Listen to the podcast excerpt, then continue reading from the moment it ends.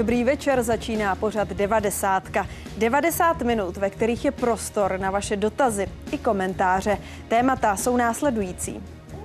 Armáda řeší, jak zajistit dostatečné posílení záloh, které by mohla rychle nasadit v době krize. Současný personální model je podle náčelníka generálního štábu Karla Řehky neudržitelný.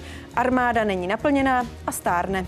Cílem je 30 tisíc vojáků z povolání a 10 tisíc příslušníků aktivních záloh k roku 2030. Současné počty jsou nižší. A další téma přidáme po deváté večerní. S klesajícími sazbami ožívá tuzemský realitní trh. Třeba nových bytů se na konci loňského roku prodalo dvakrát tolik než ve stejném období roku 2022.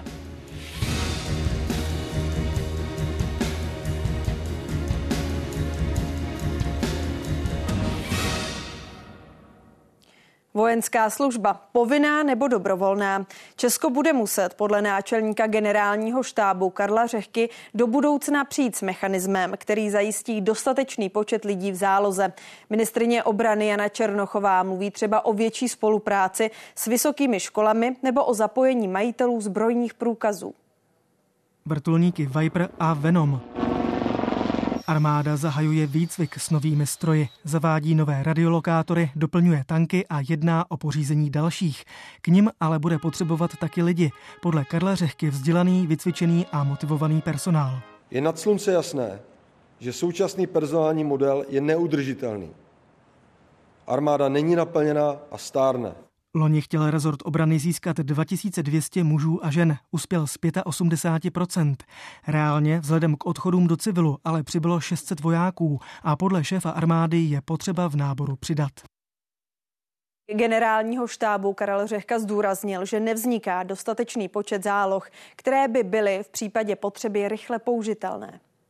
To je prostě výzva dneška, je to výzva, která se dlouhodobě neřešila tím, že jsme zrušili základní vojenskou službu, což celkem chápu a myslím si, že byla neudržitelná v té podobě, v jaké byla, tak ale už nikdo neřešil to, jak to bude se zálohama. A nám v podstatě každý rok přicházíme o nějakých 40 tisíc záloh, ještě těch zbytků z dobu vojenské základní služby, které jako dneska už by byly pravděpodobně stejně asi jako těžko použitelné. A my nemáme nástroj, kromě 30 tisíc vojáků, až je naplníme z povolání, a 10 tisíc příslušníků aktivní zálohy, což je v pořádku, je to kriticky důležité pro nás, protože mimo jiné ty aktivní zálohy je to, co jsme schopni s tím pracovat už v míru. Ale my na tu velkou krizi, na kterou jsme se dlouhodobě nechystali jako stát, a nejenom my, ale jako obecně, i naši spojenci, tak my prostě k tomuhle potřebujeme mít, kromě tohohle balíku, dostatečný počet vygenerovaných záloh. A to je ten problém. A co já jsem říkal, ne, že zavedeme vojnu a nechtěl bych, aby z toho byly nějaké líbivé titulky, protože to pak jako vypadá samozřejmě zajímavě v novinách. Ale prostě na to, aby jsme zavedli nějakou vojnu, tak jako to je o společenské zhodě. To tady jako není teďka. My nejsme naivní. Ale já jsem řekl, a zatím si stojím, že někdy v budoucnu opravdu Česká republika bude muset zvážit nějaké jiné formy, ať už povinné nebo dobrovolné nějaké služby, nebo nějakého mechanismu, který nám bude generovat dostatek záloh, protože ten prostě dneska nemáme. A nenarovnají nám to ty nástroje, které teď máme. A to je diskuze, nad kterou my teď interně v armádě se zamýšlíme, díváme se, jaké jsou modely ve světě a ty jsou různé. Různé motivační modely, dobrovolné služby, třeba dočasné, která pomáhá generovat zálohy. Ale to je teďka diskuze teprve o tom, že my pojmenováváme ty problémy že my teďka si jedeme naše rozhry na generálním štábu, na systém mobilizace, jestli vůbec to máme nachystáno, nemáme, co by to vyžadovalo, zálohy, přehled o lidech, odvodní věci, legislativa a tak dále. A jedna z těch věcí, na kterou se díváme, jak jsou modely jinde ve světě a jak to prostě jiné státy dokáží s tím vlastním problémem se vyrovnat. A je fakt, že i třeba na některých vojenských výborech a zasedáních zaznívají ty myšlenky, že říkají, protože s tím lidským kapitálem bojují všichni v podstatě. Všichni mají tenhle ten problém. A občas tam zaznívá, no podívejte se, každý to dělá jinak. Některé státy zavádí splátky vojnu, někdo to řeší jinak. Je to na vás, ale prostě musíte to zabezpečit. A je na vás, jak si to uděláte. A my do budoucna to prostě budeme muset řešit. Ale to neznamená, že se chystáme k nějakému návratu vojny teďka. A už vůbec ne v té podobě, jak tady byla. Navíc armáda na to ani není připravená, ten systém na to není připravený. A pokud by se něco dělalo a bude se třeba v budoucnu dělat, tak to bude muset jednak na tom být zhoda a jednak to bude v horizontu roku se to vůbec muset připravit, aby něco mohlo proběhnout. Tak, takhle bych chtěl jenom vysvětlit to, že to není tak, že náčelník generálního štábu říká, že se chystáme obnovit vojnu. Jo. Rozhodně ne. Vojenská služba, téma, které vzbuzuje emoce a téma, které teď rozebereme tady ve studiu. Mými hosty jsou Jiří Šedivý, bývalý náčelník generálního štábu armády České republiky a armádní generál v záloze. Dobrý večer. Dobrý večer. A zdravím taky Václava Marhoula, filmového režiséra a producenta, bývalého člena aktivních záloh armády České republiky. I vám dobrý večer. Dobrý večer.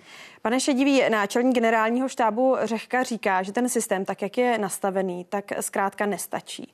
Lidé v armádě stárnou, není jich dostatek a nábor se nedaří eh, tak, jak si armáda plánovala. Na druhé straně, když se podíváme na různé průzkumy, tak lidé nejvíc věří právě armádě. Tak jak to je, že na jedné straně jí lidé tolik věří, ale pracovat v ní zase asi až tak nechtějí? Tak je dobře, že je tak, taková důvěryhodnost armády v České republice. To mě těší. Faktem ovšem je, že armádní služba je poměrně těžká, obtížná, poměrně hodně odříkání a ne každý na to je připraven a ne každý má takovou náturu. Takže ten určitý názor, mám rád vojáky, ale když nejsem vojákem jenom já, Eh, tak ten tady převládá, bohužel. Bude muset jít asi pravděpodobně nejenom ministerstvo obrany, ale skutečně Česká republika jako taková zpět o několik kroků a začít přemýšlet, jak do armády přitáhnout více lidí. A to, co tady bylo řečeno v tom úvodním šotu, jak generovat zálohy jakékoliv, které by posílily armádu v případě potřeby. Pane Marhoule, vy jste bývalý příslušník aktivních záloh v hodnosti majora. Jak říkal pan Šedivý, je to hodně odříkání. Jak vy hodnotíte tu debatu o vojenské službě? Tak eh, začnu od konce odříkání, je to opravdu hodně tedy to jako bez sporu a častokrát, eh, když tam jste, tak si říkáte, co já tady vůbec jako dělám a potom to skončí a když to řeknu zletně, tak eh, vaší mysl hrdost, která vaší mysl naplní hrdost a srdce taky.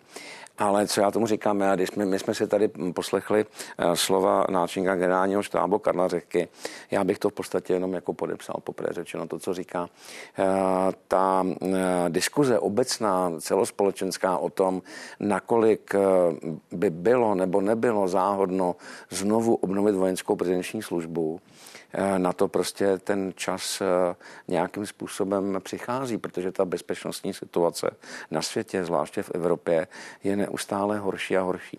Pan generál má úplně stoprocentně pravdu, že to není o tom, že by on nebo kdokoliv jiný luskl prsty a bylo by možné to okamžitě a bez zbytku zavést, protože jenom ta příprava, vente si to, administrativa, legislativa, ale ta logistika, uniformy, zbraně, kasárna, výcvikové prostory, instruktoři, odvody a tak dále. To si myslím, že klidně by třeba, kdy, i kdyby k tomu rozhodnutí došlo, že by klidně mohlo trvat pět, sedm, osm let, než by se to připravilo. Ale vy jste mi před vysíláním říkal, že jste byl dřív odpůrce vojenské služby. To jsem. Co, co se pak změnilo? Právě ta bezpečnostní situace ve ano, světě? přesně tak. Já jsem opravdu jakoby byl a ještě stále jsem odpůrcem uh, toho, aby se znova zavedla vojenská prezenční služba. Já jsem opravdu dalek toho názoru, jako když slýchávám hlavně o těch starších ročníků něco, že dneska už muži nejsou muži a že vojna je naučí. Já si nemyslím skutečně, že armáda je tady o to, aby napravovala eh, všechny chyby, které spáchali rodiče nebo škola při výchově jako těch dětí. Eh, tady armáda není od toho, aby jako nějakým způsobem dělala kojnou, jako pokud někdo si neumí složit košily jako do doby, než je mu 20 let, tak je chyba asi někde jinde. Ale každopádně eh, eh, je to tak, ta bezpečnostní situace je horší a horší. A výsledek války na Ukrajině zcela zásadně rozhodne o tom, jestli to, o čem jsme mluvili před chvílí, jestli znovu zavedení, anebo ne podle mého osobního názoru je v přímé úměře k tomu, jak dopadne válka na Ukrajině. Vidíte to stejně, pane Šedivý? Bude se odvíjet eh, ta debata od ruské agrese na Ukrajině a když generál Řehka říká, my se musíme dívat i jinde ve světě, jaké jsou tam vlastně varianty, jak nalákat a vzít ty lidi do armády, kde vy byste se v zahraničí inspiroval? Taky potřeba říct, že já jsem byl ten, který začal budovat první kroky aktivních záloh a zároveň profesionální armádu. A to jsou velmi spojité nádoby v každém případě. A už tehdy jsme hledali řešení a vzory, které jsou v zahraničí. Líbil se nám koncept Reserve Force Spojených států amerických, to jsou ty federální zálohy, nenárodní garda. Měli jsme vzory v určité části v Holandsku, ve Velké Británii. Ale samozřejmě každý ten stát má určitý svůj systém a ten systém je napojen na legislativu, eh, i na to, jak, jak společnost na armádu reaguje, případně jaké má ten daný stát ambice. Takže to si myslím, že je zcela zřejmé. Ale musí se vrátit i Česká republika, ale i ostatní státy Stranské aliance něco zpět, protože ten útlum takového toho, toho, té urgence potřeby mít kvalitní ozbrojené síly, eh, ten trval hodně dlouho ta afganizace, kterou naše armády prošly, ta ještě pořád hodně cítit a vrátit se zpátky do nějaké podoby eh, té vševojskové armády, která, tak jak říká náčelník generálního štábu, bude schopná bojovat v té velmi intenzivní eh, válce s komplexním nepřítelem, který je vybaven moderními zbraněmi, tak eh, to vyžaduje úplně jiný, jiný přístup. A nejenom v oblasti toho řízení armády, ale je to potřeba skutečně, aby se připravila celá společnost. My se bavíme o vojácích, ať už záloze nebo o vojácích aktivních, ale ta společnost musí připravena celá. To znamená například přecházení vůbec, když zmobilizujete určitou část eh, té mužské populace, ale i ženské mimochodem, tak vám budou chybět například ve firmách případně ve státní správě. Právě, jak si to konkrétně představit, jestli vás napadá nějaký takový model, ať už tedy ten povinný nebo dobrovolný, protože 90. je hlavně o diváckých dotazech a nám jich přišlo několik, skutečně velmi konkrétní. Divák Michal se ptá, jak dlouhá by mohla být povinná vojenská služba, třeba jeden rok či dva, nebo se řeší i možnost třeba jen půlroční vojenské služby. A opět na tomto místě si dovolím připomenout, že generál Řehka říká, my pouze otvíráme diskuzi o tom, jak ty lidi nahnat do armády tak v každém případě povinná služba určitě ne. Alespoň teda podle mého názoru ne, protože už v té době, kdy ještě pořád jsme ji měli, tak neplnila svoji roli. Dneska je ta technika, zbraně, materiál eh, tak složitá, že ani dva roky by velmi často nestačí na to, aby ji vojáci ovládli. Takže on to potřebuje delší dobu. A ta delší doba se může vytvořit, nebo ten prostor se může vytvořit tím, že ta služba bude dobrovolná. Ale musí k tomu ten stát vytvořit podmínky pro to, aby lidé měli zájem. Protože pokud eh, nastoupí na třeba i aktivní zálohy, tak přece musí něco obětovat třeba na úkor rodiny. A to se musí nějakým způsobem vykompenzovat. Takže není to jenom otázka například peněz, ale je to otázka skutečně to třeba sociální podpory lidí, kteří se buď podepíší pod tu aktivní službu, myslím teďka aktivních záloh, anebo že budou dobrovolně jednou za rok nastupovat k eh, prohloubení si svých eh, schopností, zručností, návyků a podobně. Zkrátka, musí to být celý systém, pokud to nebude systém, bude něco vytrženo zase, tak to nebude fungovat. Taky se kloníte, pane Marhoule, spíše k té dobrovolné verzi, jak by mohla vypadat? No v tuto chvíli ano, určitě. Eh, protože si neumím představit, jako že by, jak jsem o tom před chvíli mluvil, že by mohlo vůbec nějakým způsobem nebo by se mohlo zabezpečit to, Eh, že by to nebylo eh, dobrovolné, že by to bylo povinné. No. Já jsem zaregistroval v rámci eh, té vaší otázky, jak jste, nebo byste sama skloňovala, jak jednotlivé státy to řeší, tak myslím, že někdy před třemi dny jsem zaregistroval, že ve Velké Británii začínají zvažovat nějaký systém jakoby vlastně pro mladé muže a dívky ve věku 16 až 18 let že by v rámci jakoby vlastně té středoškolské výuky nebo vůbec jakoby eh, v tomto, eh, v tomto období oni eh, absolvovali jakýsi měsíční výcvik, jako jo, který by jim aspoň nějakým způsobem naznačil to, o co by šlo.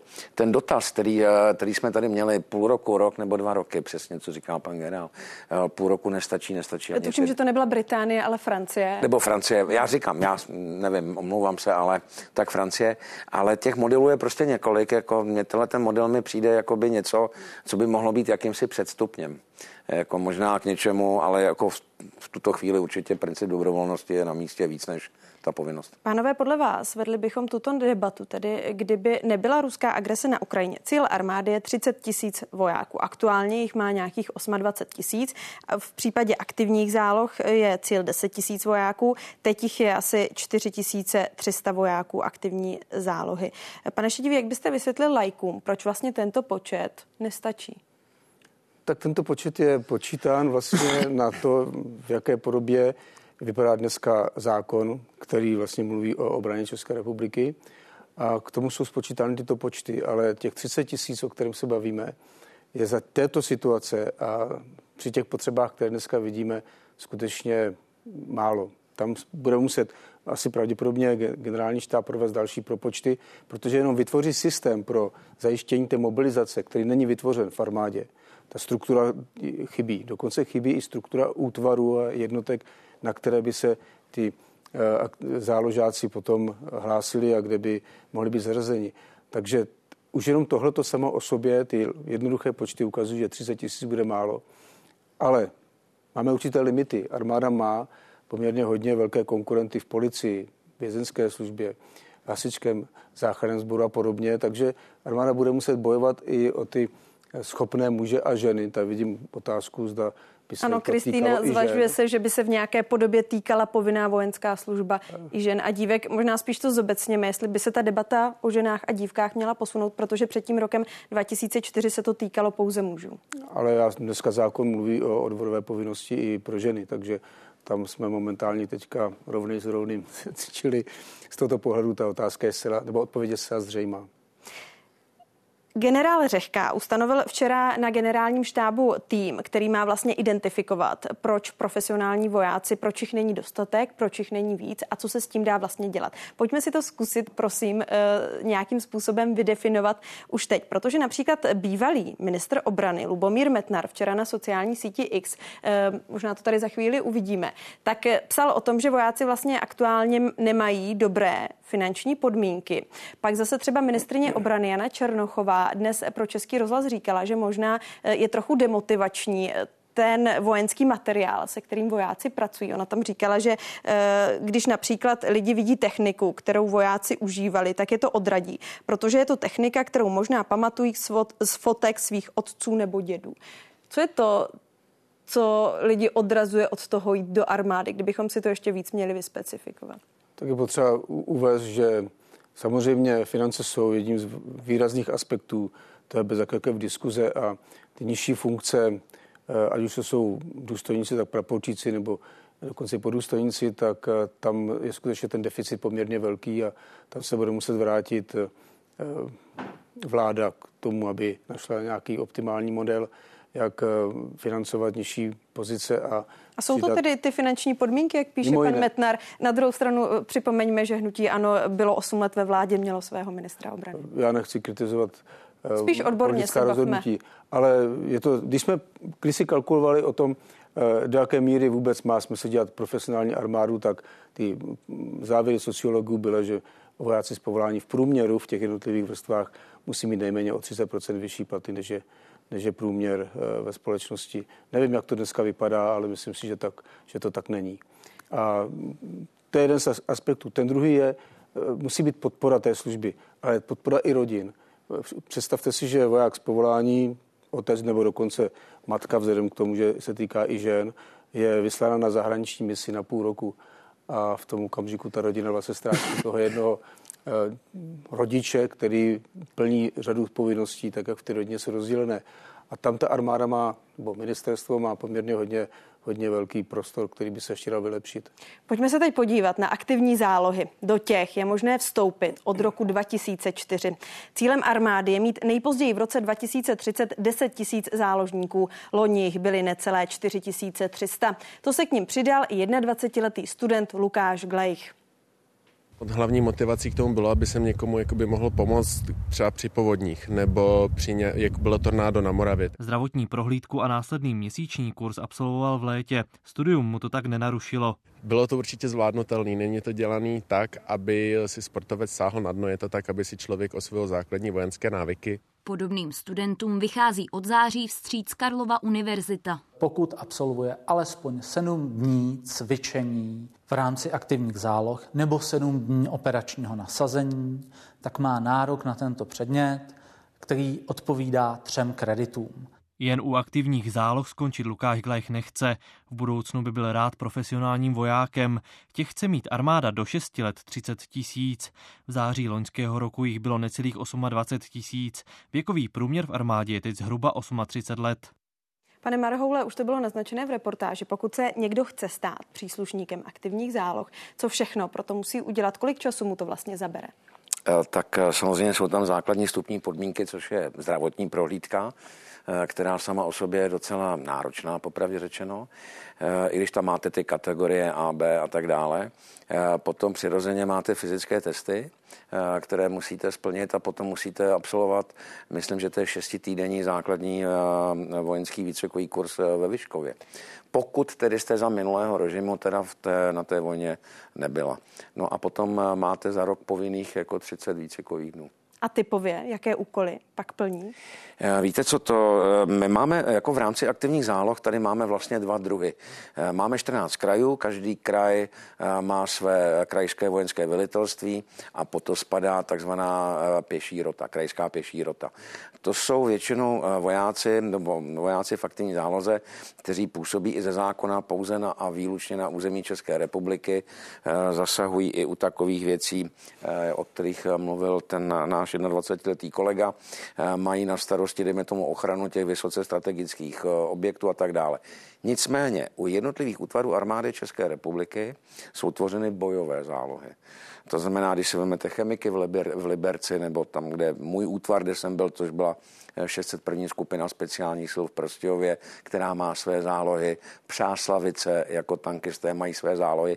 To už jsou skutečně bojové zálohy a tam jde o to, a teď řeknu úplně upřímně, eh, nemyslím si, že zatím je úplně do bezvědomí dotaženo to, aby i ty jednotlivé útvary skutečně ty svoje zálohy, bytě mají, secvičovali z vojáky z povolání. Myslím si, že někde častokrát se může doteď stávat to, že vlastně ty příslušníci aktivních záloh, byť jsou příslušníky toho daného útvaru, jsou jakoby bráni, jakoby, řekněme, něco jako navíc, jako něco, co nemá až tak velký smysl. Je samozřejmě velmi těžké jako se cvičovat, jako by profesionály eh, s těmi aktivními záložáky, ale jde to. Pane Marhoule, vy jste režisér a my se tady bavíme o tom, jak nalákat lidi do aktivních záloh. Ano. Kdyby vám teď dal někdo za úkol natočit eh, nějaký spot, který by lidi do aktivních záloh eh, nalákal, jak by to vypadalo? Já bych eh, spot, prosím, určitě nedělal, ale já bych se možná nechal inspirovat tím, co udělal asi před 12 lety Bundeswehr, který vytvořil velmi ale obrovský úspěšný YouTubeový kanál, eh, který sledoval 12 vojenských rekrutů. A to tak, že ti rekruti měli eh, kamery jako vyloženě na sobě, na svých uniformách eh, nebo na přilbách. Bylo to pět minut denně, vždy v pět hodin odpoledne a setkalo se to s obrovským úspěchem. Ten YouTubeový kanál jako neuvěřitelně fungoval a protože deno denně všichni lidé sledovali jakoby vlastně osud těch 12 rekrutů v té armádě, co zaživí. Nebyla tam jediná hraná scéna. Všechno to bylo autentický a velmi to fungovalo a bylo to efektivní. Pánové, já vám teď něco pustím, ukázku, zkrácený spot a zajímá mě, co na to pak řeknete. Dobře.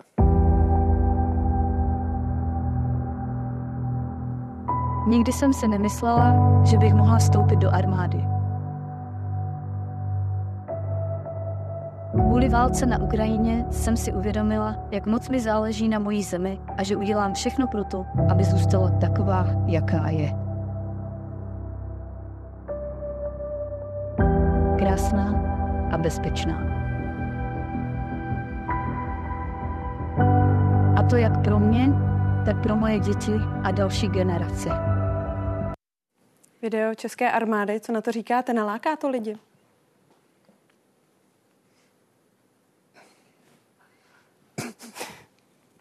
Můžu to nechat bez komentáře, prosím. Pane Šedivý, poprosím vás tedy. Vy se komentáře ujmete nebo taky? Je to málo akční. Pánové, díky vám oběma za rozhovor i za váš čas pro spravodajskou 24. Jiří Šedivý, Václav Marhoul. Naschledanou. Naschledanou. Naschledanou. Většina evropských států od povinné vojenské služby po pádu komunismu a konci studené války upustila. Jsou ale výjimky. Norsko má povinnou vojnu s možností náhradní civilní služby pro muže i ženy. Povinný výcvik pro mladé muže je i v ostatních skandinávských zemích. Třeba ve Švédsku je ale odvedena jen část. Na vojnu se chodí i v neutrálním Rakousku a Švýcarsku. Země sousedící s Ruskem, ale hlásící se k západu, cítí stále akutněji potřebu lepší obrany. Lotyšsko obnovilo povinnou vojenskou službu po 18 letech. Od letošního 1. ledna Litva ji znovu zavedla už v roce 2015 a Estonsko hned po znovu získání nezávislosti v roce 1991. I další velké evropské země mají armády čistě profesionální. Německo zatím návrhy na obnovení povinné vojenské služby odmítá. Francie zvažuje povinný jednoduchý výcvik pro dospívající ve věku 15 až 17 let v délce jednoho měsíce, který je nyní dobrovolný. A teď přidáme další pohled, tentokrát z Polska do sousední země. Zdravím zpravodé Andrease Papadopulose. Andrasi, dobrý večer. Rovnou se zeptám, jaký model upřednostňují Poláci? Dobrý večer. Poslední povinné odvody k základní vojenské službě proběhly v Polsku v prosinci 2008 a od 1. ledna 2009 už Polsko spoléhá na profesionální armádu. Její začátky eh, byly eh, vlastně poměrně složité v tom smyslu, že jí čekal transformační proces, nakupovaly se první moderní zbraně ze západu, které přišly do polské armády až opravdu o několik let později. Tehdy polská armáda měla mnohem více lidí v aktivní službě, než má dnes. Dnes jich je 180 tisíc mužů a žen v uniformách.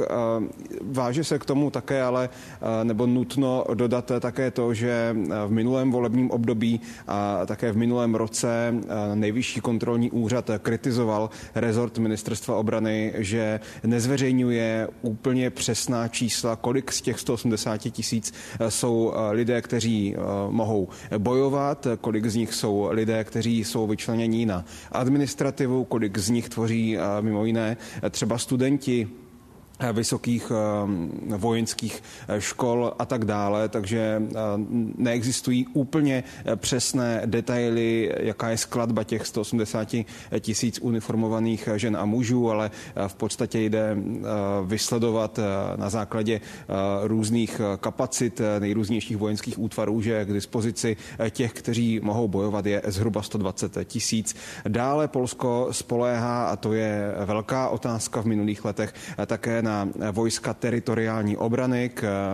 Tady začaly vznikat po roce 2016, kdy ještě současný prezident Andřej Duda podepsal příslušný zákon a od roku 2017 tedy tato vojska teritoriální obrany, vojáci, kteří přicházejí na, do jednotlivých vojvodství na školení z pravidla na několik málo týdnů. Oni potom jsou nasazováni třeba na dva, tři víkendy za jedno pololetí, slouží buď na hranicích při ostraze eh, hranic s Běloruskem nebo třeba při pohodních a jiných živelných katastrofách. Těchto lidí je zhruba, velmi zhruba 40 tisíc. Eh, zase je tam nějaký, eh, nějaký počet těch, kteří vykonávají administrativu.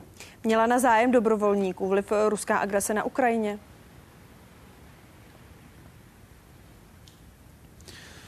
Není ten eh, zájem v posledních letech eh, nějak valný, potýká se s tím polská armáda. Bývalý ministr obrany Mariuš Blaščak za bývalou vládní stranu Právo a spravedlnost několik let vlastně naspátek minimálně tři, čtyři určitě tvrdil, že chce vybudovat velkou armádu a po únoru 2022 a v pádu ruských vojsk na Ukrajinu to konkretizoval to číslo, přišel s velkým plánem na vybudování 300 tisícové armády, ale kritici už před těmi dvěmi lety poukazovali právě na to, že se nedaří každým rokem naplnit ani ty stavy, které, nebo ty kapacity pro nové rekruty, kteří se nehlásí do polské armády armády. Podle kritiků je to dáno tím, že zkrátka nenahrává tomu demografická křivka v Polsku. Polsko se vylidňuje a chybí mladší ročníky, chybí zejména ty ročníky z druhé poloviny 90. let, které by teď měly být vlastně těmi hlavními ročníky, ze kterých by se rekrutovali noví zájemci o službu v armádě. Velkým problémem je vlastně také to, že tak rychlý, rychlé znásobení vlastně počtu vojáků v aktivní službě znamená také velké výdaje. Ty Polsko dává na obranu v poměru k HDP nejvyšší po Spojených státech v celé severoatlantické alianci. Jsou to zhruba 4% HDP, loni 3,9, letos by to měly být 4,2%. Jsou to velké výdaje, v přepočtu až 800 miliard korun, ale eh, ty výdaje nejdou všechny do, řekněme, té lidské síly. Velká část z nich míří na eh, velké armádní kontrakty, které byly eh, minulou vládou uzavřeny, zejména s americkými a jeho korejskými zbrojovkami, takže to je také velká diskuze, zda část těch prostředků nepřesměrovat právě do té lidské síly, ale současný ministr obrany Vladislav Košiňák Kamiš, tak ten se netají myšlenkou, že Polsku bude stačit 150 tisíc eh, vojáků v aktivní službě, tedy těch, kteří eh, fyzicky mohou vykonávat eh, vojenskou práci, tedy bojovat a zhruba 50 tisíc lidí, kteří by byli buď v pasivní nebo aktivní záloze, nebo právě v těch vojskách teritoriální obrany. Jakou pozici má vlastně armáda v Polsku? Jsou Poláci spíš pacifisté nebo kladou důraz na obranu? Těžko, těžko to soudit. Každopádně polská armáda v polské historii hraje obrovskou roli. Není to jako například v historii eh, české instituce, která by eh, vlastně několikrát eh, v uvozovkách selhala teď ve velmi velkých uvozovkách. Teď se bavíme opravdu o těch dějinách napříč několika staletími, tak, tak to Poláci vnímají jako polskou armádu jako jeden z garantů toho, že eh, vůbec existuje eh, samostatné Polsko. Kdykoliv polská armáda neexistovala, eh, tak nebo prohrála, tak Polsko zaniklo, tak, tak to je to myšleno, ta má věta, aby nevzbudila příliš kontroverzí, a, ale tento pohled je samozřejmě ten, který přetrvává do dnešních dnů. Polská armáda požívá velkou důvěru ze strany běžných Poláků. Platí také za instituci, která nikdy morálně neselhala polská armáda eh, vlastně nikdy nekolaborovala s nepřítelem, vždy eh, byla na, řekněme, v uvozovkách znovu té správné straně dějin. Já když připomínám nejen svým polským přátelům, ale lidem, se kterými natáčíme, že eh, v srpnu 1968 polská armáda byla tím hlavním, kdo ze severu napadl Československo při invazi, která byla nařízena z Moskvy. Tehdy 27 tisíc polských vojáků překročilo hranici s Československem Slovenskem a zabralo velkou část ehm, československého území, tak eh, toto je kapitola, kterou ehm, Poláci buď vytěsňují, nebo oni velmi zpravidla ani neví, nebo eh, není to nic, o čem by rádi mluvili právě z těch důvodů, že eh, v jejich očích je polská armáda etalonem morálky a té instituce, která vždy stála na správné straně. Šlo to vidět i v minulé vlastně v jakékoliv politické eh, kampani, ale v té minulé eh, sezóně volební, tedy před říjnovými volbami, tak tam armáda hrála opravdu velkou roli, točily se kolem ní velké politické hádky. Eh, bývalý ministr obrany Mariuš Blaščak, o kterém jsem hovořil, výrazná postava práva a spravedlnosti, tak ten byl opravdu každý den kritizován, že používá vojáky jako aranžma, že je využívá v politickém boji, že čerpá z té jejich kredibility, kterou oni požívají ve společnosti společnosti. Eh, nová vláda, když přišla, tak řekla, že eh, toto ukončí. Například jeden z těch eh, dobrých ukazatelů toho, jakým způsobem je na armádu pohlíženo v Polsku, je tradiční den, 15. srpen, den armády, který se v Polsku slavil tradičně velkou vojenskou přehlídkou. V roce 2002 tehdejší vedení státu a armády rozhodlo, že nebude ta přehlídka jednak zpět Sověty eh, kvůli vpádu ruských vojsk na Ukrajinu a také proto, že eh, řekli, že je potřeba tu armádu posilovat a ne stavět na oddiv uh, uniformy. No, v roce 2023, těsně před těmi říjnovými volbami, proběhla jedna z největších vojenských přehlídek, tedy o rok později od toho rozhodnutí proběhla jedna z největších vojenských přehlídek v novodobé, v, novo, v novodobé historii Polska. Tam už se armáda chlubila těm, těmi zbraněmi, které nakoupila třeba v Americe nebo právě ve zmiňované Jižní Koreji. Takže opravdu polská armáda je jedním z pilířů, dá se říct, polské státnosti a je to eh, určitě instituce, která použí, požívá eh, velký kredit v polské společnosti. Je to patrné nejen v polské politice, ale vlastně v každodenním polském životě. Po jakémkoliv polském městě, když se procházíte, tak tam najdete nejeden památník a nejednu plaketu, která odkazuje na hrdinství polských vojáků nejen za první světové, no, před první světovou, po první světové válce během bojů s Rusy v, ve 20. letech 20. století a také během bojů eh, před druhou světovou válkou a po jejím začátku. Andreas Papadopoulos, zpravodaj České televize v Polsku. Andreasi, díky za tvé odpovědi, klidný zbytek večera. Hezký večer. A podobné otázky teď budu klást dalšímu z našich zpravodajů, tentokrát Davidu Borkovi do Izraele. Tam je situace i ta bezpečnostní odlišná. Davide, bavíme se tu o tom, jak různé země zajišťují, aby měli dostatečný počet vojáků. Izrael je aktuálně, ale i historicky relativně často ve válce. Jak to řeší?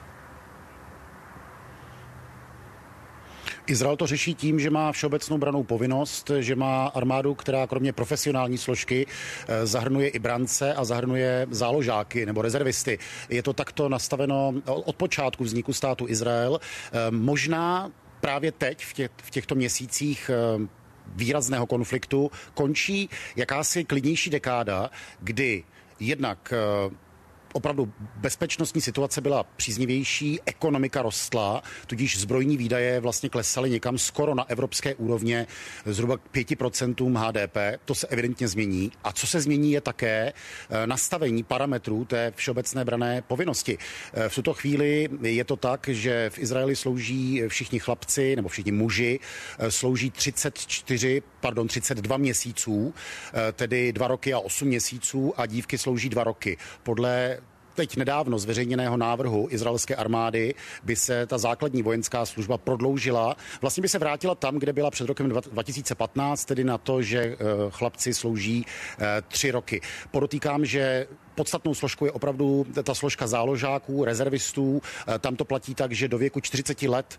eh, jste povoláváni na pravidelná vojenská cvičení v řádu několika desítek dnů do roka, do roka s tím, že různé jiné eh, složky, důstojníci nebo specialisti mohou být povoláváni ještě později. A i tento návrh, i tento parametr by se podle návrhu izraelské armády teď měl změnit. Mělo by to být tak, že povinná záložní rezervní služba bude prodloužena minimálně do 45. roku života. Objevily se někdy v nějaké části společnosti námitky vůči povinné vojenské službě? Ano, ale jinak, než eh, jsme zvyklí ze západu. Prostě, ačkoliv eh, tady v Izraeli existuje třeba subkultura, která se trochu inspiruje tím eh, levicovým pacifismem, dejme tomu říznutým s nějakou ozvěnou hnutí hippies. Prostě takové lidi tady v Izraeli uvidíte. Tak i tito lidé půjdou nakonec sloužit většinou do armády. Já to vždycky přirovnávám k tomu, když v Americe protestovali mladí lidé proti válce ve Větnamu, a dnes to vlastně je trochu heroizováno zpětně, barvotiskově eh, v popkultuře, eh, tak oni ale pořád se nacházeli v jedné z nejsilnějších zemí světa, která je na obou stranách lemovaná velkými oceány, které Ameriku izolují od Eurázie. Eh, to znamená, že americké války často jsou vedeny daleko. Často jsou vedeny daleko tisíce kilometrů od vlasti a často se nedaří eh, politikům, kteří takovou válku se rozhodnou spustit nebo nasadit americké vojáky, se jim nedaří přesvědčit populaci trvale pět, deset let, že taková válka má smysl. V Izraeli se všechny války prakticky vedou za humny. Ti lidé ví, že eh, chrání eh, svoje vesnice, svoje města, svoje blízké, svoje spolužáky, svoje rodiče. V tomto ohledu Izrael nemá ten, řekl bych, uvozovkách pacifisticko-hippies problém z hlediska vyhýbání se vojenské služby. Co Izrael má a co je naopak unikát, nesrovnatelný s tím, co zažívá Západ, tak je to, že tady je ultraortodoxní židovská část populace, čítá zhruba milion dvěstě tisíc, která roste, která je početná a která od založení státu na základě takové dohody o statu quo se vyhýbala, měla prostě trvalou výjimku z vojenské služby. Před zhruba šesti lety nejvyšší soud nařídil, že tato výjimka musí být zrušena, že musí být nahrazena něčím jiným, nějakým systémem, buď to nějaké náhradní služby, anebo systémem pobídek, eh, které i ultraortodoxní židy eh, dotlačí k tomu, aby, nebo motivují k tomu, aby šli do armády. Ten systém ale zůstává stejný, periodicky se prodlužuje eh, vlastně provizorium. Mimochodem teď na přelomu března a dubna vyprší další prodloužení onoho provizoria. A tohle je v Izraeli velký problém. V izraelské armádě slouží synové a dcery z levicových kibuců, slouží tam děti pravicových osadníků ze západního břehu, slouží tam sekulární, levicový, pravicový, slouží tam pobožní, ale neslouží tam ve své většině ultraortodoxní, tedy ti nejpobožnější. Tohle je vlastně věc, která je unikátní a která vyvolává v Izraeli trvale tenze a které teď možná budou umocněny tím, že opravdu gro společnosti bojuje, respektive synové a dcery eh, této společnosti bojují v Gaze eh, průřezově ale desítky tisíc eh, rekrutů nebo potenciálních branců eh, se službě na základě té provizorní výjimky vyhýbají. Tohle je, říkám, unikátní eh, izraelské vnitropolitické téma. V izraelském seriálu Údolí slz o Jomkipurské válce jedna z postav, civilista, přijede na bojiště a zapojí se do bojů při hledání svého syna. Je něco takového reálné, nebo je ten svět civilistů a vojáků striktně oddělený? Jde mi o to, jak moc zůstávají Izraelci vojáky i poté, co skončí vojenskou službu.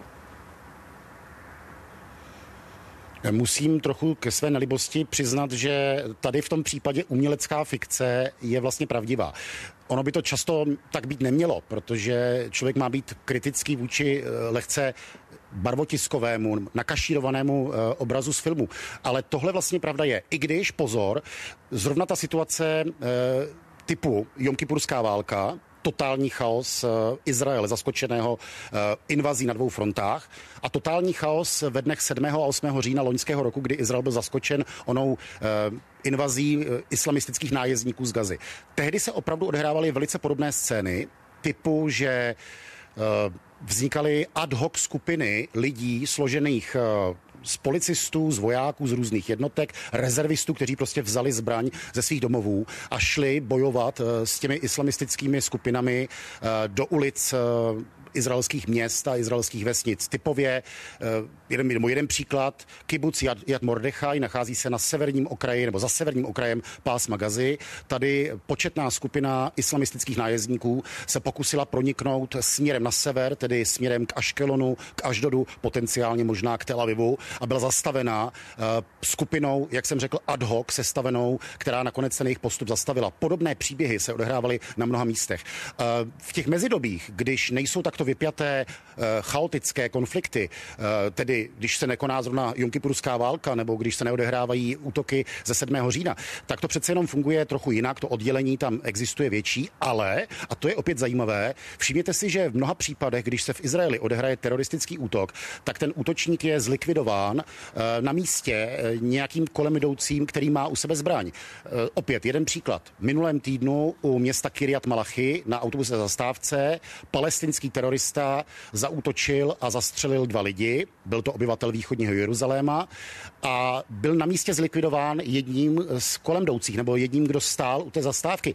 Eh, čili tohle je další složka toho, že v Izraeli eh, i v těch klidnějších nebo v úvozovkách klidnějších časech, kdy opravdu není nutné, aby eh, nějací ad hoc sestavení dobrovolníci suplovali armádu, tak ale přitom při těch teroristických útocích takto často se ta schopnost Izraelců být mentálně vojáky i v civilu vybaví a je vlastně užitečná.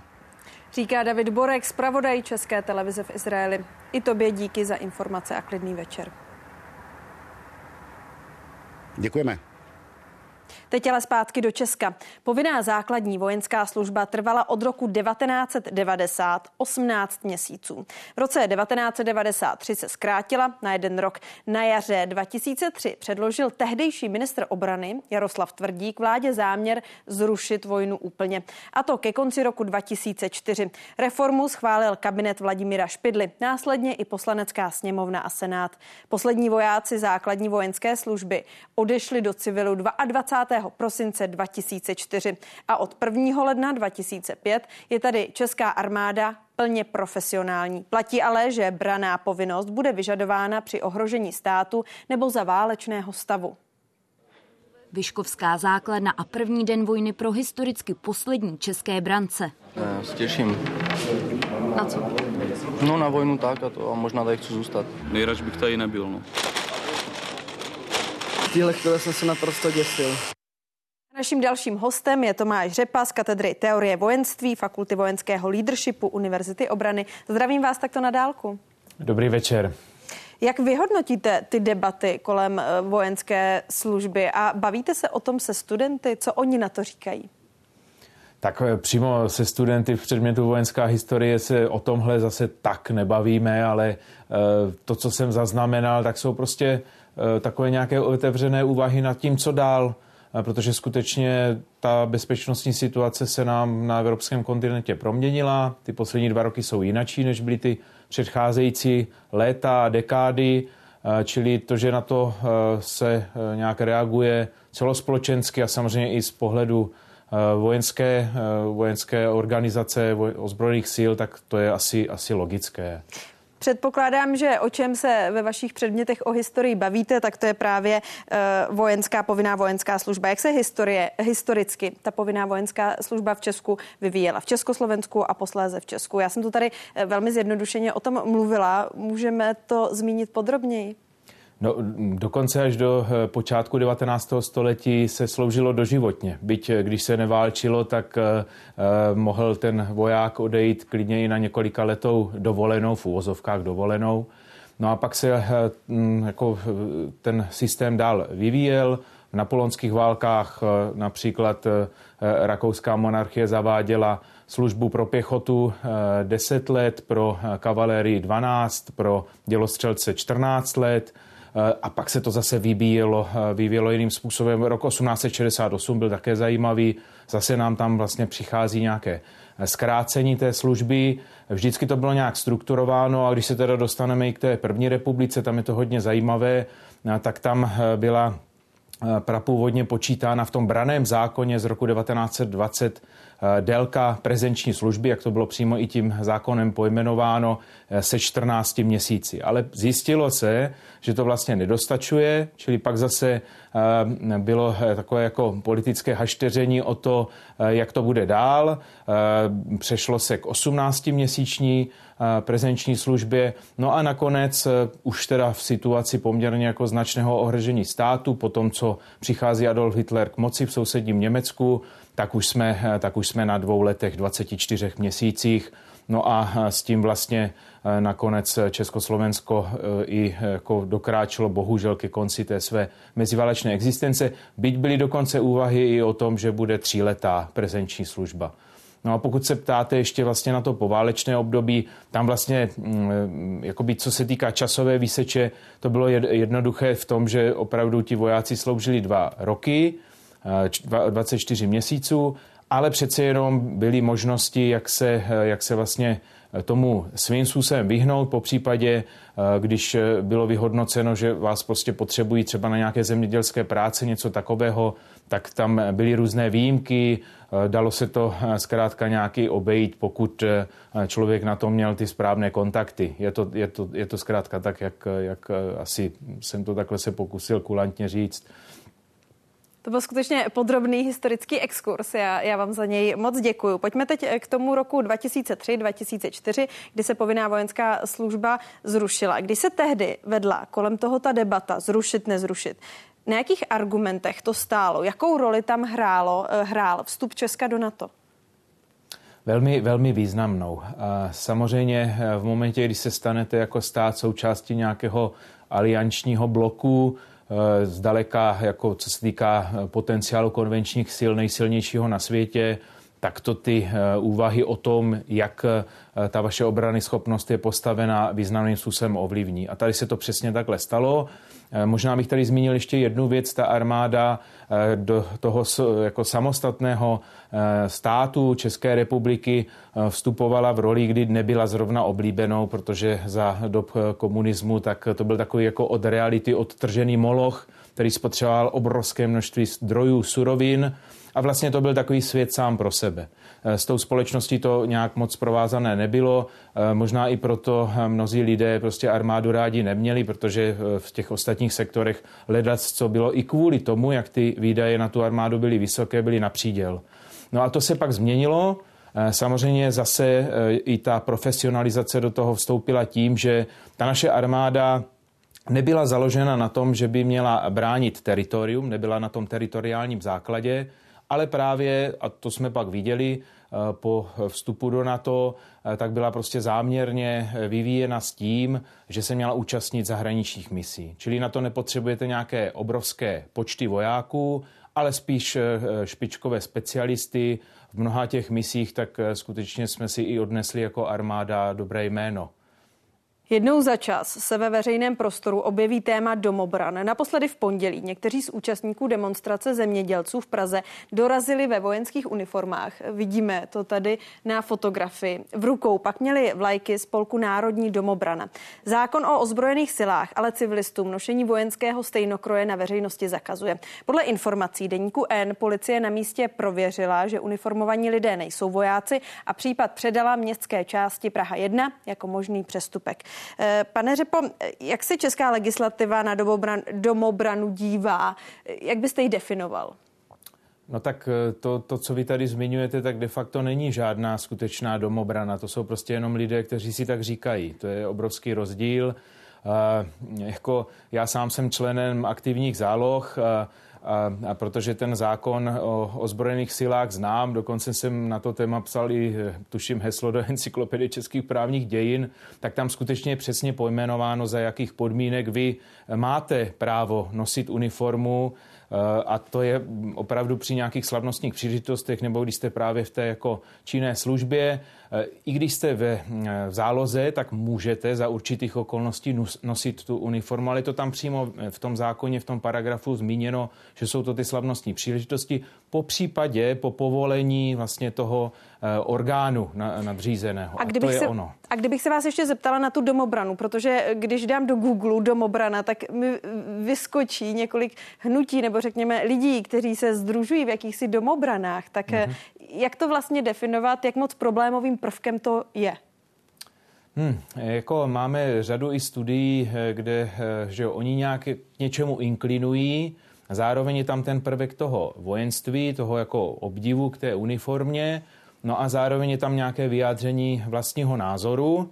No ale teď jde o to, aby se to nějak jako neradikalizovalo, eh, a to je prostě otázka, která určitě není na mě, jak by se to mělo do budoucna ošetřit. Eh, já sám jsem, to tady musím říct, eh, zrovna šel i okolo, protože jsem byl předtím vlastně v archivu Ministerstva zahraničních věcí, takže jsem šel kolem toho malostranského náměstí úplně příjemně se mě na to nedívalo, i jako právě tomu příslušníkovi aktivní zálohy, že vlastně někdo si sám od sebe prostě vezme eh, na sebe uniformu, i když přímo není příslušníkem armády. Ale jestli se to dá nějak jako do budoucna ošetřit, že to je asi v rovině nějakého přestupku, je to klidně možné, eh, tak eh, to prostě nevím, tam prostě musí zkrátka zahájit úkony ty orgány, které jsou k tomu určeny. Já vám děkuji za rozhovor. Tomáš Řepa z katedry teorie vojenství Fakulty vojenského leadershipu Univerzity obrany. Naschledanou. Díky, hezký večer vám i divákům.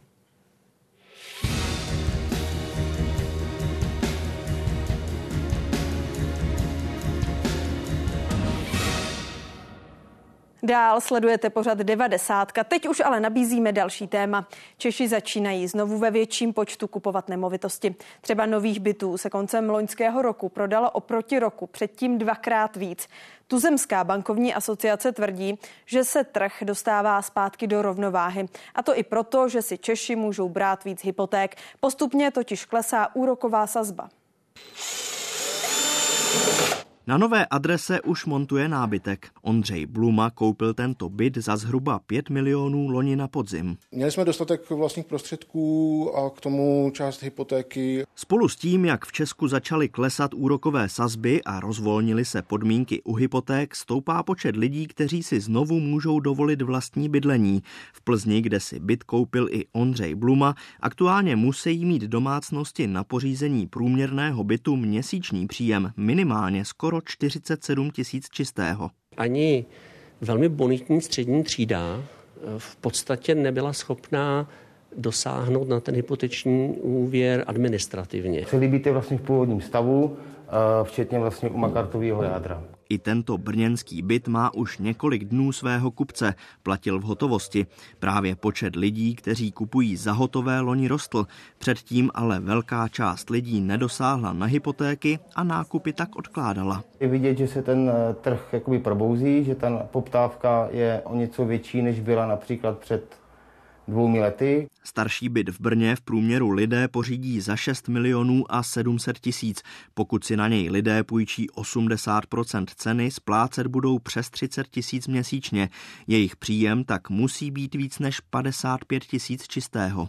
To v Praze jsou nemovitosti tradičně nejdražší. V novostavbě je teď třípokojový byt v průměru za skoro 11 milionů, to znamená splátku 49 tisíc, minimální měsíční příjem skoro 90 tisíc. Podobné je to třeba v Hloubětíně. Roste tu nová rezidenční čtvrť s domy ve finském stylu. Ve všech skolaudovaných objektech eh, v areálu jsou byty vyprodané. V roce 2016 jsme zahajovali etapou ESPO, kde metr čtvereční stál 50 tisíc a dneska končíme prodejem posledních bytů etapy Tornio za 130 tisíc za metr čtvereční. Tam už je zájem nižší, zatím prodali asi čtvrtinu bytů. Celému komplexu budov se říká finská čtvrť. Paradoxem ovšem je, že právě ve Finsku by si podobné bydlení mohlo dovolit o poznání víc lidí. Ve srovnání nerovnováhy mezi cenami nemovitostí a příjmy domácností je totiž tahle severská země na opačném pólu tabulky než Česko. I tak si ale Česko o něco polepšilo. Dříve bylo v dostupnosti bydlení nejhorší. Redakce a Jakub Musil, Česká televize. Slyšeli jsme ho a viděli jsme ho v reportáži, teď je s námi tady ve studiu Milan Roček, jednatel Dataligence. Dobrý večer. Dobrý večer vám divákům. Blížíme se k normálnímu chování mezi nabídkou a poptávkou?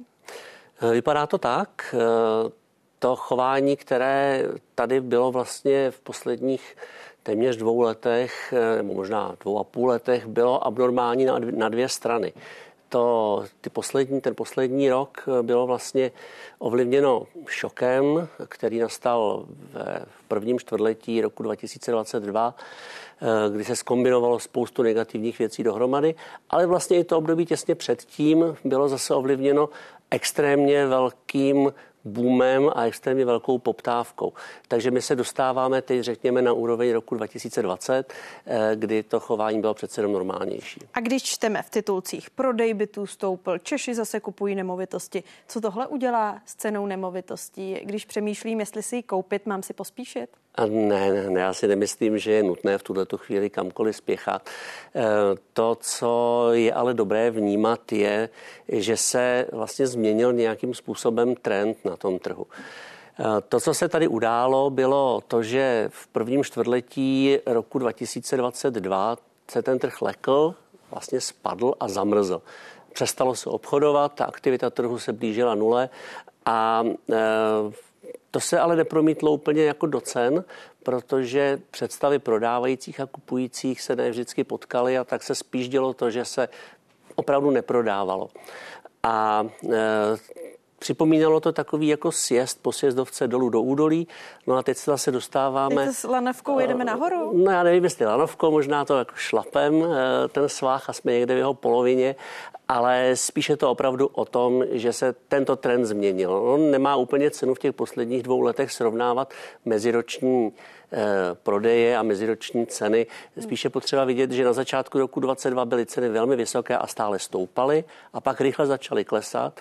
A ještě na začátku roku 2023 ty ceny klesaly zhruba až do pololetí, ale od pololetí eh, loňského roku roku 2023 už nám ceny začaly nejenom stagnovat, ale i mírně růst a od začátku loňského roku se trh oživil. Takže když se o Česku říká, že je tady problém s nedostupným bydlením, teď se nějak situace změní nebo nezmění? Ne, v tomto smyslu se situace opravdu nezmění, protože ten uh, problém s dostupností bydlení je tady dlouhodobý, systémový. Máme tady zhruba 30-letý deficit výstavby nových bytů. V České republice se opravdu uh, nestaví v tom porovnání s ostatními vyspělými zeměmi tolik, jako by bylo potřeba, aby se stavělo. A dlouhodobě tady máme problém na straně na straně nabídky, nikoliv na straně poptávky. To, že se nám teďka vyrovnává nabídka s poptávkou, ale tohle to nijak nevy, nevychýlí. A o jaké nemovitosti teď je typově největší zájem? Myslím si, že se nedá říct, že by existoval nějaký specifický typ. Samozřejmě zájem je o ty, které zůstaly co možná nejlevnější, takže eh, ta cena nám hraje významnou roli. Ale eh, vidíme zvýšený zájem jak u starších bytů, tak u nových bytů. To, co se nám změnilo oproti minulým letům, je ale to, že je výrazně větší nabídka, že ten trh není vyprodán.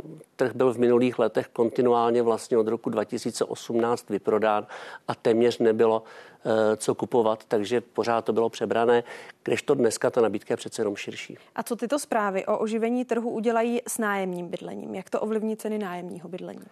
Myslím si, že v tuto chvíli také nějak zásadně, protože eh, my se nebavíme o tom, že by tady došlo k nějakému skokovému růstu. I když ta čísla eh, v těch headlinech eh, mohou vypadat tak, že to je o desítky procent, tak ono se to mění o desítky procent z téměř z nulového základu. My to poměřujeme dneska meziročně k nejhoršímu čtvrtletí, které bylo za předcházejících 15, možná 20 let z hlediska počtu prodejů bytů. Takže z nuly na 100 eh, se rozjíždí samozřejmě jinak, než kdybyste jela ze 100 na 200. Děkuji vám za rozhovor. Milan Roček, jednatel Dataligent. Naschledanou. Hezký večer. Nejvyšší kontrolní úřad v půlce ledna oznámil, že v Česku přetrvávají problémy s dostupností a kvalitou bydlení. A to i přesto, že stát na jeho podporu vynaložil v uplynulých letech skoro 14 miliard. Třeba sociálních bytů vzniklo pouze kolem dvou tisíc ten vliv na podporu bydlení je zcela marginální. Vlastně ty problémy s dostupností a kvalitou eh, bydlení stále přetrvávají. Je to i dost nelichotivé vysvědčení eh, předchozí ministrině Kláry Dostálové a hnutí ANO, které nejdříve schodilo ze stolu eh, zákon o sociálním bydlení s tím, že vůbec není potřeba. Z následky tohoto selhání se vlastně v České republice potýkáme denně. Musel psát někdo, kdo oblast politiky bydlení moc neřeší, protože stát nestaví byty stát dává nástroje, zejména v podobě legislativy, aby se právě více bytů stavělo. Ale 13,8 miliardy a postaveno 4663 bytů mně zase nepřijde tak špatný výsledek. Podle NKU zároveň chybí systémové řešení problému. Ministerstvo pro místní rozvoj a státní fond podpory investic navíc podle úřadu nemají dost informací o bytovém fondu nebo o početnosti cílových skupin. A i toto téma teď rozebereme. Dodáme politický úhel pohledu. Se mnou tady ve studiu je Olga Richterová za Piráty, místo předsedkyně poslanecké sněmovny. Dobrý večer. Krásný večer přeju. A zdravím taky Aleše Juchelku za hnutí Ano, místo předsedu poslaneckého klubu, člena výboru pro sociální politiku poslanecké sněmovny. Hezký večer i vám. Dobrý večer. Paní Richtrová, podle Centra pro výzkum veřejného mínění sociální politiku hodnotí špatně 57% lidí. Nejhůře vnímají podporu bydlení. Co tato vláda, jejíž součástí jsou Piráti, udělala pro dostupnost bydlení? Řadu věcí. A Jedinou věc, kterou chci předeslat, než to začnu vyjmenovávat, co vše jsme v tom udělali, je, že v minulé době mělo téměř 8 let právě hnutí ANO na starosti bydlení. Měli to Ministerstvo pro místní rozvoj, kde je nyní vicepremiér pro digitalizaci Ivan Bartoš. Proč to zdůraznuju? Protože to jsou dlouhodobé věci. A my nyní doháníme, co se tam neudělalo. Eh, pečlivě sbíráme data, což je v bydlení zásadní, abychom mohli co nejlépe pomoci například obcím s nájemním bydlením, eh, protože to je to, co vyspělé země dělají, aby obce, které znají svoji lokalitu, uměly dobře spolupracovat s trhem a na to potřebují know-how, na to potřebují dovednosti, které neměly. Stejně tak potřebují podporu při tom připravování projektů, protože to je často velmi drahé tyto projekty připravovat. Další věc, co děláme. Připravili jsme komplexní zákon o podpoře v bydlení, eh, který nyní už běží v legislativním kolečku. Je to něco, co je vyjednané do úrovně, jako to tady nikdy nebylo. Je to eh, norma, eh, která není jenom o tom sociálním aspektu, kterou v minulém období hodilo právě hnutí Ano pod stůl, ale je to norma, která zahrnuje motivace, pobídky, prostě tržní mechanismy e, i pro majitele bytů, kteří by to mohli využít. Ráda se dostanu k detailům, jde o takzvané garance. Je to možnost, aby se využili nyní volné byty, když jejich majitelé budou chtít a, a řada dalších možností. E, co se týče dalších kroků, co děláme, e, říkáme tomu bydlení pro život. Každý se to může dohledat. Rozjeli jsme také e, jednání s Evropskou investiční bankou a prostě v příštích letech půjdou do bydlení miliardy. Konkrétně vyjednáno je zhruba 8 miliard z Národního plánu obnovy a celkově i se spoluprací se soukromými subjekty, tak to chce to Ministerstvo pro místní rozvoj přispět k investicím ve výši 20 miliard korun do bydlení. Paní poslankyně, aby si to diváci uměli představit, protože tady jste vyjmenovala některých, několik teoretických bodů, tak procentuálně. Kolik lidí díky této vládě mělo dostupnější bydlení? Máte taková data? Má to vy se ptáte na přímo dostupnější bydlení. Já bych maličko přeformulovala tu otázku na větší jistotu v oblasti bydlení, protože z těch dat, která jsme se sbírali, která jsme pečlivě řešili, vyplývá, že zhruba 1,6 milionu lidí v této zemi, to je obrovské číslo a z toho vyplývá ta úvodní nespokojenost, na kterou jste se ptala, uh, nemá úplně jistou svou situaci v bydlení. A na ty my cílíme tím komplexním zákonem o podpoře v bydlení, který předložili tak společně. lidem jste pomohli? Takže ta podpora je připravená systémově pro ten 1,6 milionů. To uh, bude v legislativním procesu procesu v tomto roce schvalováno. Eh, ty systémové změny, co budou mít dlouhodobý pozitivní dopad, jsou samozřejmě něco, co se projeví v příštích letech. Je možné, že i za další vlády. Ale my to prostě děláme proto, aby se v téhle zemi lépe žilo. Dám poslední číslo, eh, jak to zlepšujeme.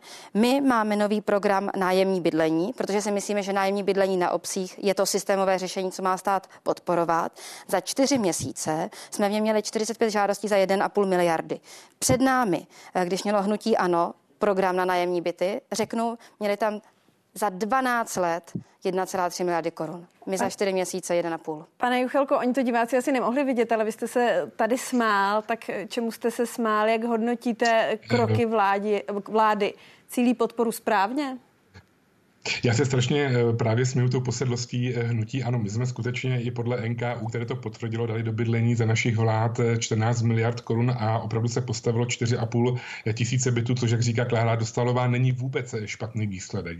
To, o čem mluví Olga Richterová, tak je zákon o podpoře bydlení, který skutečně bude v tomto roce schvalován. Já mám velikánskou obavu, že nevím, zdali tento zákon můžeme podpořit. Spíše v tuto chvíli ne, protože Piráti opět samozřejmě v rámci nějakého sociálního sociálního inženýrství dělají prostě nějakou, eh, bych řekl, poradenskou eh, realitní eh, kancelář za 1,5 miliardy korun, které by se klidně mohly investovat právě na podporu bydlení, to znamená třeba na rekonstrukce bytových fondů a tak dále. A vlastně ten zákon o podpoře bydlení vůbec nic neřeší, protože tam chybí ten základ a to je investice do bydlení. A já mám pocit, že prostě bychom měli podporovat samozřejmě výstavbu bytů. Obce to chtějí, ty jednotlivé finanční nástroje, eh, se kterými začalo hnutí ano, tak tuto chvíli ještě eh, pokračují a pokračovat budou. Obce prostě potřebují velké finanční prostředky se splatností na dlouhou dobu proto, aby se výstavba bytů mohla, mohla, eh, mohla začít, začít vykonávat. My máme pokles minus 3% výstavby bytů, bylo vystavěno za rok 23 23 tisíc bytů a myslím si 38 tisíc bytů, promiňte. A myslím si, že velký problém je také v tom, že jsme vlastně předposlední v rámci Evropské unie, co se týká eh, vlastně dostupnosti bydlení, poněvadž nám eh, za eh, průměrný 70-metrový byt zaplatíme 13 ročních hrubých platů jednoho, jednoho člověka. A v tuto chvíli jsme předposlední, poslední je za námi Slovensko, takže u nás je bydlení velmi drahé, je to možná i díky tomu, že máme nízké mzdy, takže celý ten vlastně problém z hlediska toho bydlení je skutečně prostě podpora finančních nástrojů ať už u řady těch, kteří si chtějí například vzít hypotéku nebo podpořit, já nevím, družstevní podíl, podpořit PPP projekty, podívat se vlastně na ty byty, které jsou v rámci, v rámci třeba Airbnb, podporovat, já nevím, delší splatnosti hypoték, tak jak je to v zahraničí, to, co navrhujeme my, nicméně dělat prostě za 1,5 miliardy nějaké, nějakou prostě poradenskou realitku, kde ten člověk pravděpodobně v té kanceláři si najde na sreality.cz a bude nabízet Dobrá. nějaké volné byty, tak to je podle mě trochu, trochu nesmysl. To znamená, že my musíme najít hlavně finanční nástroje. Paní poslankyně, před vámi tady byl pan Roček, který říkal, že hlavní problém podle něj, který eh, tkví v nedostupném bydlení, tak je to, že Česku se nepodařilo eh, dohnat ten deficit, který tady má, který se týká výstavby. Mm-hmm. Před rokem a půl Piráti na svých stránkách zveřejnili slib, že v Praze postaví byty pro desetitisíce Pražanů. Tak kolik těch bytů už je rozestavěných? Mm-hmm. Uh, co se týče, i navážu na poslední slova, která pronesl pan poslanec uh, ohledně těch finančních nástrojů na bydlení, tak tohle jsou věci, kterým se věnuje podrobně Ivan Bartoš. Já se věnuju podrobně tomu zákonu o podpoře v bydlení. Uh, co se týče té vyjednávané podpory, uh, která půjde um, do dostupného bydlení, tak uh, zhruba uh, 2 a čtvrt miliardy korun uh, bude k dispozici na tento rok. Teďka se to dojednává to obce? s Evropskou komisí. A o co jde je, že to bude právě podpora uh, pro samozprávy, takže pro obce, přesně jak říkáte, s tou praktickou přípravou projektů. Protože se ukázalo, právě protože jsme sbírali data a hledali, kde byly ty reálné bariéry, proč, když například v minulosti byly tak nastavené ty programy zahnutí ano pro uh, výstavba pro obce a nájemní byty, kde prostě přišla třeba do některého z těch programů jediná žádost za rok. Jo? Takže na tom se ukazovalo, že to nefungovalo, roky to prostě bylo takhle zablokované, ty plody občané sklízejí, bohužel, ale my právě to chceme odšpuntovat dělat. A co eh, potřebují obce, je ta pomoc. Eh, týmy které jim poradí s tím, jak eh, právě ty, ty projekty u sebe chystat. A to se zdá jako poradenství, ale je to přesně to, co ty obce chtějí. Pan poslanec to kritizoval, my to máme identifikované jako klíčovou bariéru, proč obce nerozvíjejí svůj bytový fond a s tím zapojením soukromého sektoru, s finančními nástroji, aby prostě byly možné výhodné úvěry a ty peníze, které se budou pak roky splácet, eh, se opět mohly vracet do bydlení. Eh, tak to jsou všechno věci, které nám mají umožnit těch 20 miliard korun do bydlení. Co je důležité, to, co chceme nastartovat, eh, budou desítky tisíc bytů, eh, ale... A kolik už se jich rozestavilo? Protože ono se často taky klade otázka, jak je na tom Česko vlastně se stavebním řízením. Často to stavebníci uh-huh. pokládají za jeden z největších problémů. Tak tady máme novelu, nový stavební zákonník. Uh-huh. Změnil něco? Uh, my jsme ten stavební zákon opravili po hnutí ANO, kdy vlastně i senátoři za hnutí ANO a ČSSD vrátili já, já to prostě potřebuji zdůraznit. Bylo to takové, že to vaši vlastní lidé, pane Juchelko, vrátili do sněmovny. Eh, my jsme to opravili a od července tohoto roku začne právě eh, ten eh, náš opravený stavební zákon platit pro běžné stavby. Takže tam jsou ty rychlejší lhůty a samozřejmě průběžně připravujeme digitalizaci stavebního řízení, což zase pomůže při té výstavbě. To jsou ty dvě věci, co se po nich dlouhodobě volá. A jenom řeknu, když jsme přebírali to ministerstvo, které se mělo věnovat přípravě digitalizace stavebního řízení celé roky, tak tam na tuhle agendu uh, byl prostě jeden člověk na obří projekt. Jeden člověk. A smlouvy byly podepsány s panem Štefelem, uh, což je člověk, Já se obávám, že teď už diváci úplně se nemůžou uh, orientovat v těchto jednotlivostech. Jenom prosím jednoslovná odpověď. Máte ten počet, kolik bytů se rozestavilo v Praze? Uh, Myslím si, že to číslo, které má zaznít, je, že loni a předloni se dokončilo zhruba 40 tisíc bytů. Ale, takže to je docela dost jo, ale že nejde jenom o výstavbu, proto máme celý komplex toho bydlení pro život, všech těch nástrojů, které Jenom prosím, pomůžou. Ať, eh, může ještě zareagovat. Pan Juchelka, prosím. Děkuji moc. Já moc děkuji. Tak bylo to 38 tisíc bytů pro, to už jsem tady říkal, celou Českou republiku pro eh, minus 3% eh, pokles. My například v Moravskoslezském kraji nemáme problém eh, s volnými byty. My tady máme celou řadu volných bytů. Můžeme i hned klidně tady ubytovat 20 tisíc 20 tisíc rodin. Není to vůbec jakoby žádný problém. Ten problém opravdu s výstavbou má pouze Praha. Prahu vedou už samozřejmě druhé volební období Piráti a to, že to tam tak dlouho trvá, tak to je samozřejmě jakoby jejich věc z hlediska digitalizace stavebního řízení, tak to bude opravdu velikánský průšvih, protože pokud má být od 1. července ostrý start, tak v tuto chvíli nejsou ani prováděcí předpisy u vyhlášek právě k tomu stavebnímu řízení. Takže naopak si myslím, že nás čeká velikánská frustrace z celé digitalizace, tak jak ji vidíme teď u Pirátů, protože se jim nedaří udělat s digitalizací vůbec nic, ani s digitální agenturou za půl miliardy korun. Víme, že e-dokladovka ruší e-recept a přihlásit se na střední školu je opravdu nadlidský, nadlidský úkon. Takže nevím, jak to dopadne právě s tím stavebním řízením, které tak strašně kvaltuje a které úhos už několikrát Juchelko, samozřejmě zrušil jejich zakázky děk... a tak dále. Takže za mě investice do bydlení a volné byty jsou samozřejmě Děkuju v Praze ne. Děkuji vám za rozhovor, Aleš Juchelka, i vám děkuji, a Olga Richterová. Ty volné byty, ty volné byty umožníme využít přes ten nový zákon o podpoře v bydlení. Díky vám oběma za debatu a já věřím, že se k ní ještě v budoucnu vrátíme. Děkuji a nashledanou a díky taky divákům za pozornost. Nezapomeňte, že další devadesátka je tady zase zítra.